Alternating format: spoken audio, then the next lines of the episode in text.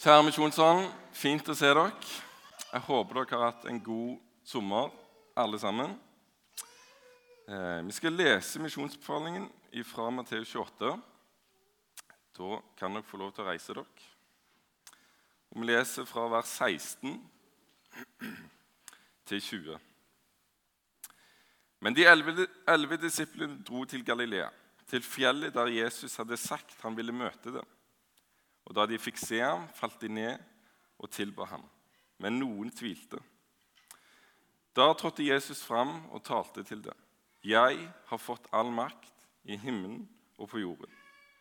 Gå derfor og gjør alle folkeslag til disipler.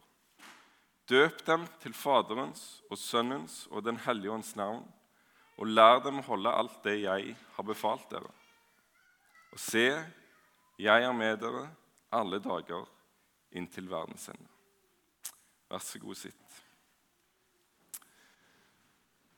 Misjonsbefalingen i Matteus 28 den har en, en nokså grei og tydelig struktur. Vi kan dele den inn i tre. Det er en presentasjon av Jesus sjøl. Det er en befaling, og det er et løfte. En presentasjon, en befaling og et løfte. Og De tre skal vi se på. Men aller først så vil jeg si noe om de første to versene eh, vi leste. Det står om at de elleve disiplene kom til fjellet der Jesus hadde sagt at han ville møte dem. Og Når de fikk se ham, så faller de ned og tilber. Men noen tvilte. Vi får ikke så mye informasjon om hvor fjell dette er, og det ser ikke ut til å være så viktig. Det viktige er at Jesus har kalt på disiplene sine. Eh, han vil møte dem, og denne gangen gjør, gjør de som han sier. Til tross for at de for veldig kort tid siden har flykta hver sin vei. Eh, enkelte har benekta at de var i hans følge, men nå møter de opp. Bak seg har de ei ganske turbulent tid. Historien om han de har fulgt de siste årene, den har tatt noe som for deg nok var en uventa vending.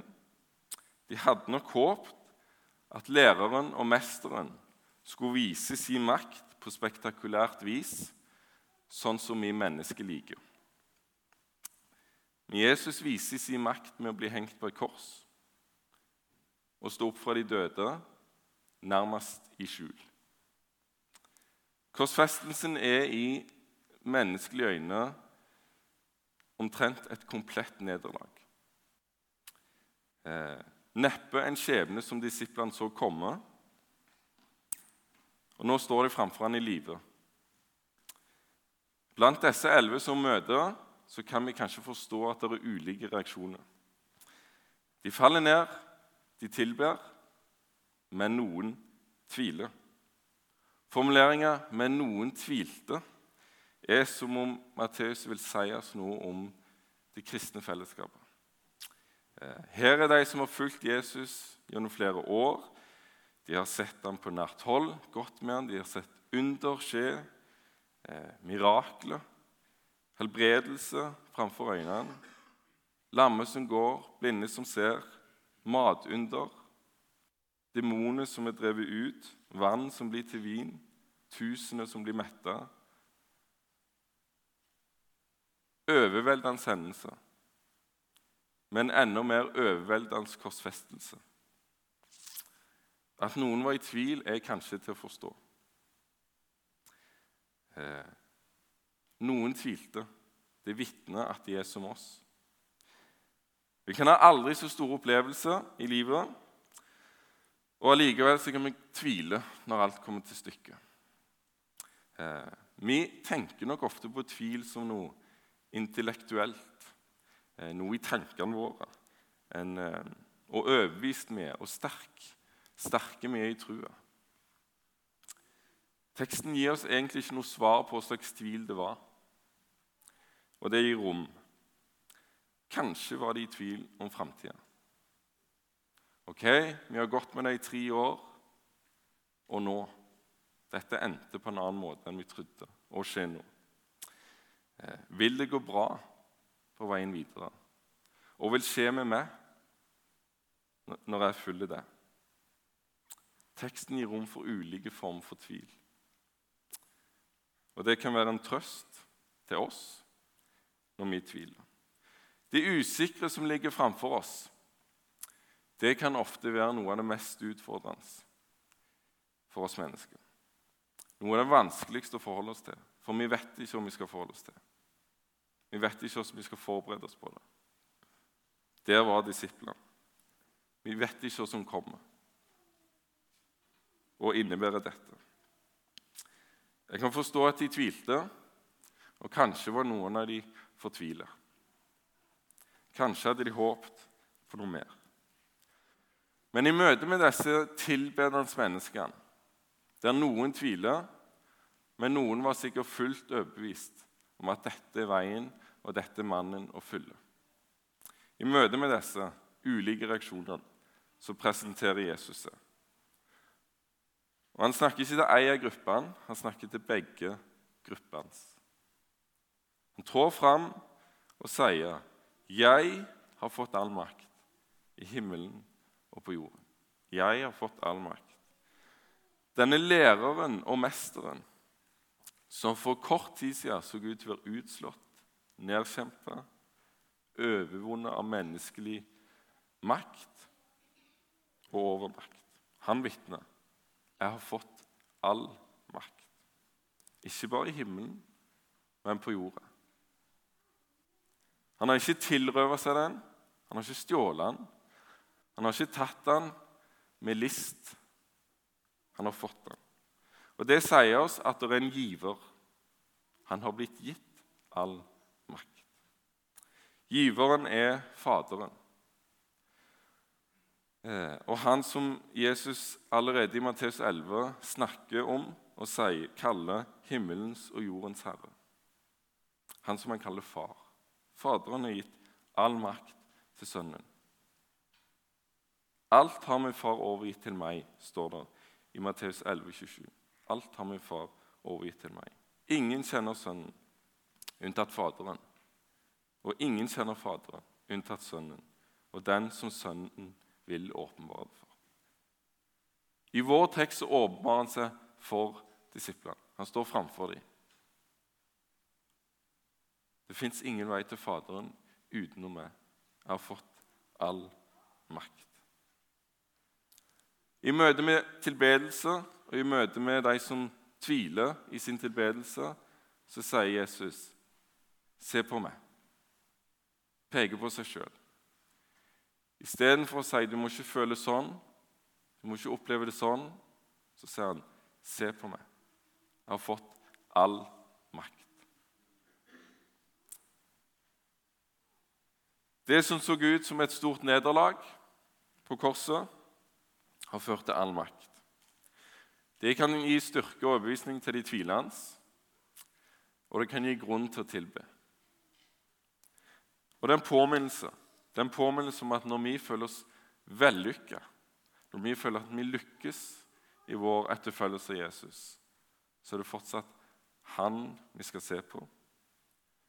Eh, både i vår tilbedelse og i vår fortvilelse. Det med Jesu føtter. Og vi er aldri så truende, troende eh, eller kjenner på, og kjenner på et vell av overbevisning eller et vell av tvil. Det står ikke på vår tro, men på hans makt. Og Det er på den bakgrunnen Jesus gir misjonsbefalinger. Det er på det grunnlaget han sier 'gå derfor'. Han har et oppdrag, og han kommer med befaling. Det er ikke bare en invitasjon, men det er en befaling. Eh, Han med all makt kommer med denne befalinga til de elleve og til oss. Det står til, til verdens ende. Det betyr at det var ikke bare til de elleve, men til oss. Og Nå er det nok enkelte av oss som kan kjenne på av og til at nå rystes verden. Det skjer ting i samfunnet vårt eh, som gjør at vi av og til skjelver litt og skjer nå? Hvordan utvikler dette seg? Og enkelte dager kan det føles som at den ene krisa overtar for den andre krisa. Om det er strøm eller krig eller eh, tankesett som er fremmed, og som utfordrer oss. Jeg har fått all makt i himmelen og på jord. Våre liv er i hans hender. Vår pust er avhengig av at han holder oss i live. Om vi føler det eller ei, og verden skjelver eller ei. Vår eksistens er avhengig av han. Og Jeg tror noe av det Jesus prøver å si disiplene, er eller noe av det han peker på, at underforstått så ligger det Det er forskjell på å finne fred i verden og å bli funnet av Han som kan gi fred. Den fred som overgår verdens fred. Jeg fikk en enkel påminnelse her om, eh, om Jesu allmakt en dag. I vår familie så har vi begynt å sjekke værmeldinger eh, på, på, Yr. Eh, og snakke av og til på morgenen og vær blir det i dag, og må vi forberede oss på i dag. Og Det syns de, disse små er veldig interessant. Og Av og til så er det noen av de som håper på, på regn. For med regn kommer det sølepytter. Og ingenting i livet er kjekkere enn sølepytter. Eh, og I en sånn samtale en morgen så sa jeg litt sånn i forbifarten og litt oppgitt at uh, pappa styrer ikke regnet. Så kom det ganske kjapt tilbake fra treåringen. Ja, hvem gjør det, da? Så måtte jeg tenke litt. Og mens jeg tenkte og prøvde å finne ut hvordan jeg skal svare på dette, så svarer treåringen sjøl. Det er Jesus som styrer regnet. Og så opp på meg og forventa et bekreftende snikk på at hun hadde svart rett og fornuftig. Så måtte jeg jo innrømme at svaret var jo ikke så aller verst. Det var nok ikke det svaret jeg hadde gitt sjøl, men hun var ikke interessert i en leksjon om luftstrøm og luftfuktighet og skyer osv. Det var nok å si 'Jesus styrer reglene'. Det er neppe godt nok svar når hun kommer på ungdomsskolen. Eh, men egentlig så er det det samme jordbrukeren, bonden, tenker og håper og tror når han ber om regn for avlinga si i tørketida. Jesus styrer regnet. Av og til, og den dagen, den morgenen, så tenker jeg jeg må la meg utfordre. Begrense Jesu allmakt. Tror han har all makt? Han sitter kanskje ikke med kranen og åpner og lukker, men tror han har all makt. Jeg har fått all makt i himmelen og på jord. På det grunnlaget så fortsetter Jesus med å si, gå derfor. Gå derfor og gjør alle folkeslag til disipler. Døp dem til Faderens og Sønnens og Den hellige ånds navn, og lær dem å holde alt det jeg har befalt dere. Gå derfor. Gå for det jeg har all makt, ikke for det du tror så sterkt. Så er det sånn at Når det kommer et oppdrag eller om vi får en befaling, så må vi vite litt om sammenhengen den er gitt i. Det er greit å vite noe om han som gir oppdraget. Eh, Ute i gangen her, jeg vet ikke om det står ennå, men det sto iallfall på en vegg eh, i gangen 'Gå derfor ut'.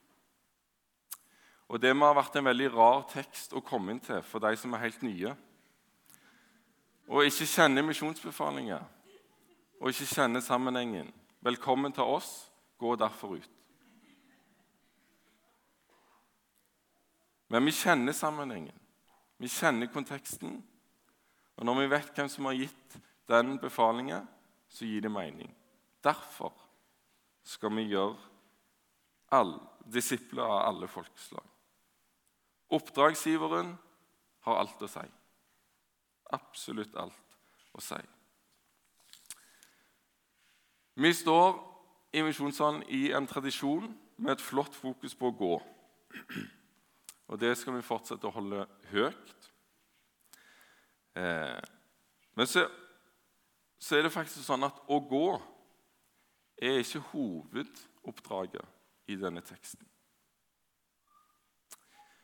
Flere har gjort et poeng ut av at denne teksten den bærer preg av å holde på med noe. Eh, det kunne stått 'gående' istedenfor 'gå', eller 'døpende' istedenfor 'døp dem', eller 'lærende' istedenfor 'lær'. Men det hadde ikke vært så veldig god norsk hvis det sto sånn. Så derfor står det som det står. Men det, det, men det står 'gjør' mens dere er gående. Gjør alle folkeslag til disipler. Det er hovedoppdraget. Mens dere går, mens dere døper, mens dere holder på med å lære, gjør disipler. Det er flott å gå, men vi må gjøre disipler når vi går.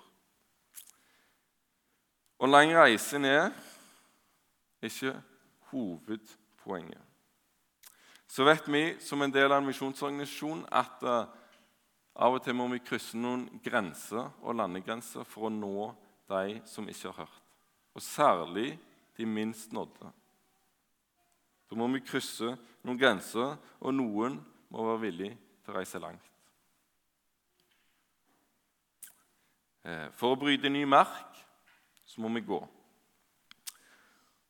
Så Samtidig skal vi huske på at det er faktisk like viktig for enkeltpersoner i vårt nabolag, på jobb, blant vår familie eh, å bli gjort til en disippel. Det er like viktig for den enkelte her i Oslo å få høre dette og bli gjort til en disippel. I teksten, i dette verset, så er det mesten som vi får en definisjon på en Jesu disippel. Jeg er ingen, og har aldri vært, stor, en stor fan av nynorsk. Det må jeg bare innrømme. Eh, men her må jeg innrømme at den nynorske oversettelsen har et ord eller oversetter disippel på en måte som gjør det mer forståelig. Læresvein. På bokmål kunne det stått lærling eller elev. Eh, her får vi en kort definisjon av sånne lærlinger. Det er noen som er døpt i Faderens og Sønnens og Den hellige ånds navn og holder på med å døype. Og som skal lære andre å holde det Jesus har befalt, og gjøre andre til lærlinger. Lærlinger det er noen som lærer underveis. Og vi som, De av oss som har vært kristne lenge, vet at det ikke alltid vi liker vilje. Av og til går vi vår egen vei og tenker at dette fikser vi sjøl og vil være våre egne mestere. Vi trenger sjøl å bli påminnet hva det Jesus har befalt oss å holde. Åssen er det vi skal leve? For åssen skal vi lære det vekk hvis vi ikke prøver å holde det sjøl? Det tror jeg ikke er mindre viktig i dag enn det har vært før. Unge mennesker i dag hyller og roper etter det de kaller autentisitet. Det ekte. Folk som gjør som de sier. Walk the talk. Og lever ut det du står for. Og Samtidig så er behovet for nåde enormt stort. Og jeg tenker Med vårt lutherske syn på mennesker som både gjennomgår han syndig og fallen, og samtidig høyt, høyt elska, så har vi et viktig budskap å gå ut med til dagens samfunn. Jeg skal få et sitat opp på veggen av Timothy Keller. Han er en kjent amerikansk pastor og teolog. Han har sagt det ganske treffende. You are worse than you think you are, but also far more loved than you feel you are. Du er verre enn du tror du er, men du er også langt mer elska enn du føler du er. Det trenger dagens unge generasjon å høre, og den eldre generasjonen å høre. For i det så ligger det òg nåde. Det ligger sannhet om de vi er, men òg nåde over at noen forbarmer oss over oss sånn som vi er, og elsker oss høyt. Vårt samfunn trenger dette frigjørende budskapet. Å bli invitert inn i et lærlingefellesskap der de får lov å gå sammen med oss og lære underveis. Og særlig når de kan få høre at mesterbrevet som lærlingen skal avlegge, det er allerede avlagt og bestått gjennom Jesus. Jeg kom over et eh, Jeg vet ikke helt hvordan jeg kom over det, men jeg kom over en, eh, en eh, definisjon fra Utdanningsdirektoratet sine rammeplan for barnehage. Det var litt tilfeldig, men jeg tenkte det, det er jammen ikke så langt ifra det kristne fellesskapet. Og der står det sånn Barnehagen er en lærende organisasjon der hele personalet skal reflektere rundt faglige og etiske problemstillinger, oppdatere seg og være tydelige rollemodeller. Det var for personalet i barnehagen. Så tenkte jeg kanskje kan vi si at det kristne fellesskapet det er et lærende fellesskap, der hele fellesskapet skal reflektere sammen rundt faglige og etiske problemstillinger oppdatere seg og være tydelige rollemodeller. For jeg syns det å være tydelige rollemodeller var ganske treffende. For misjonsbefaling inneholder ikke bare en befaling om å lære vekk i å vite hva Jesus har befalt, men i å holde det Jesus har befalt. Han snakker om nærmest en ny levemåte. Og igjen så tror jeg vi kan finne trøst i Jesu disippelflokk. De framsto ikke alltid som de beste lærlingene. Eh, og Likevel er det de elleve som får befalinger om å gå ut, om å gå og gjøre disipler. En skulle tro at det var bedre om Jesus gjorde det sjøl. Men han velger disse elleve og alle som kommer etter ham. Jeg jobber på Fjellhaug, og der har en kollega som jeg synes har formulert det ganske bra. Eh, Sverre Bø har skrevet ei, ei nokså ny bok om misjon i Bibelen. Og Der skriver han det sånn Det er lett å tenke seg at de elleve har følt på avmakt. Men så møtte de ham som har fått all makt, og han ga dem fullmakt til det størst tenkelige oppdrag. Med fullmakt fra Han som har all makt, blir utsendingenes avmakt irrelevant. Med fullmakt fra Ham som har all makt, blir utsendingenes avmakt irrelevant.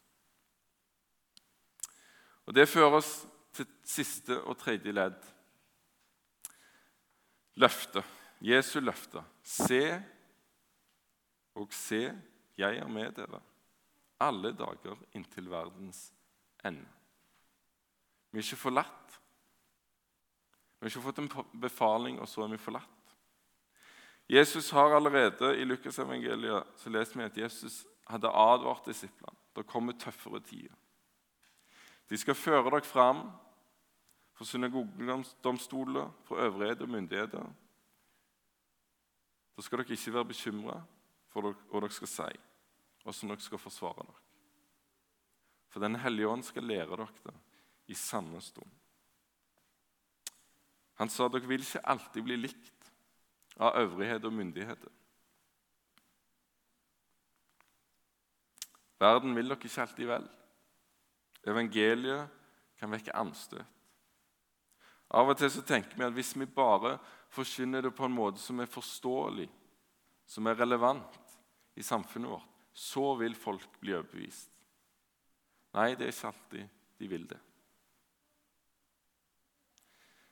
Eh, forkynnelsen av evangeliet kan føre til mindre rettigheter, færre muligheter, i ytterste konsekvens forfølgelse, helt inn til døden. Som kristne her i Norge så har vi hatt det ganske godt, og på mange måter har vi det fortsatt. ganske godt og gode kår. Vi har ikke noe løfte om at det får bli sånn alltid. Vi har heller ikke et løfte om at når Jesus sier 'gå' og gjør alle folkeslag til disipler, når vi krysser disse grensene, så har vi ikke noe løfte om at det blir like lett, eller om vi får beholde de samme rettighetene. I Apostelens gjerninger, det første kapittelet i Apostelens gjerninger så får disiplene beskjed om å vente i Jerusalem. Vent til dere får kraft, til Den hellige ånd kommer over dere. Så skal dere være mine vitner. Helt til jordas ende. Jesu vitne er ikke forlatt. Tvert imot. Han er i oss og med oss og har lovt at når vi samles, så vil han være der. Midt iblant oss. Det er ikke tørr teori, men levd liv. Og Vi skal ikke bla så mange sidene og kapitlene i Apostelens gjerninger før noen av disiplene som fikk denne befalingen, står framfor jødiske myndigheter og rådsherrer og blir trua med at hvis dere ikke slutter å forkynne evangeliet, så kommer vi til å piske dere. Stopp. Og I det øyeblikket så får de det de ble lovt. Den hellige ånd lærte de det de skulle si, og de forsvarte seg. Vi skal gå og gjøre alle for, disipler av alle folkeslag. Vi vet ikke hva som venter. Vi må av og til krysse noen grenser. Om det er en flytur, eller om det er nabogrenser. Og Dette er ikke et alternativ for Jesu kirke å holde på med. Dette er en befaling. Det er ikke noe vi kan velge eller velge vekk, men noe vi skal. Så hvordan skal vi respondere? Vi som sitter her inne, må huske, sånn som Ivar sa, de vi allerede har sendt.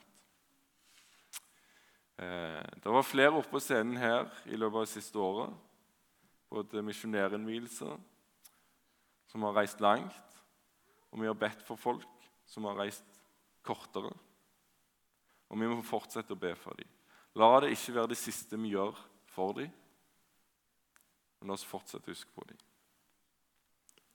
Det er det ene. Vi må be høstens herre sende sine arbeidere ut. Kanskje om et år så er det noen av oss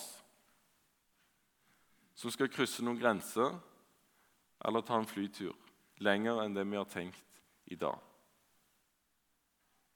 Disiplene visste ikke hva som venta de. Noen av dem tvilte mens de tilba. Det ser ut til å være greit. Det virker nok som en umulig oppgave, helt til jordas ende. De hadde ikke fly som vi har.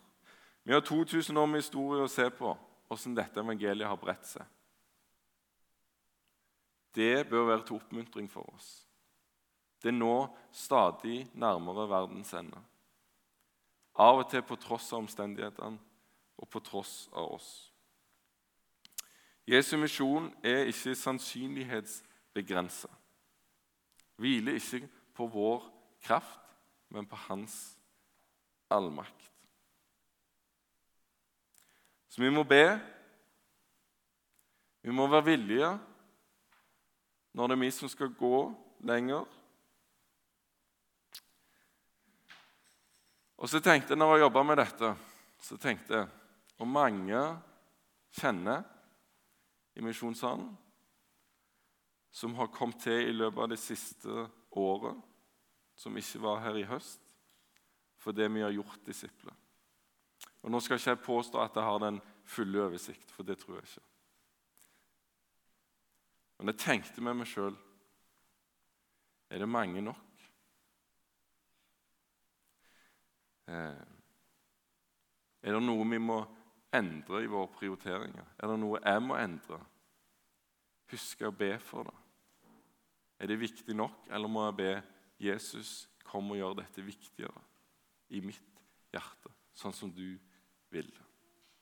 Sånn at neste høst når vi har oppstart igjen, om vi da kan si Se disse. De var ikke her. i fjor. Nå har de blitt gjort til disipler. Og Så har jeg lyst til å komme med én oppfordring til. Det har vært en eh, debatt eller en, et tema som har vært oppe i Dagen, eh, den eh, avisen, siste uka. Det er om unge mennesker som roper etter åndelige fedre. Ikke nødvendigvis direkte misjon alltid, men kanskje kan det føre til mer misjon.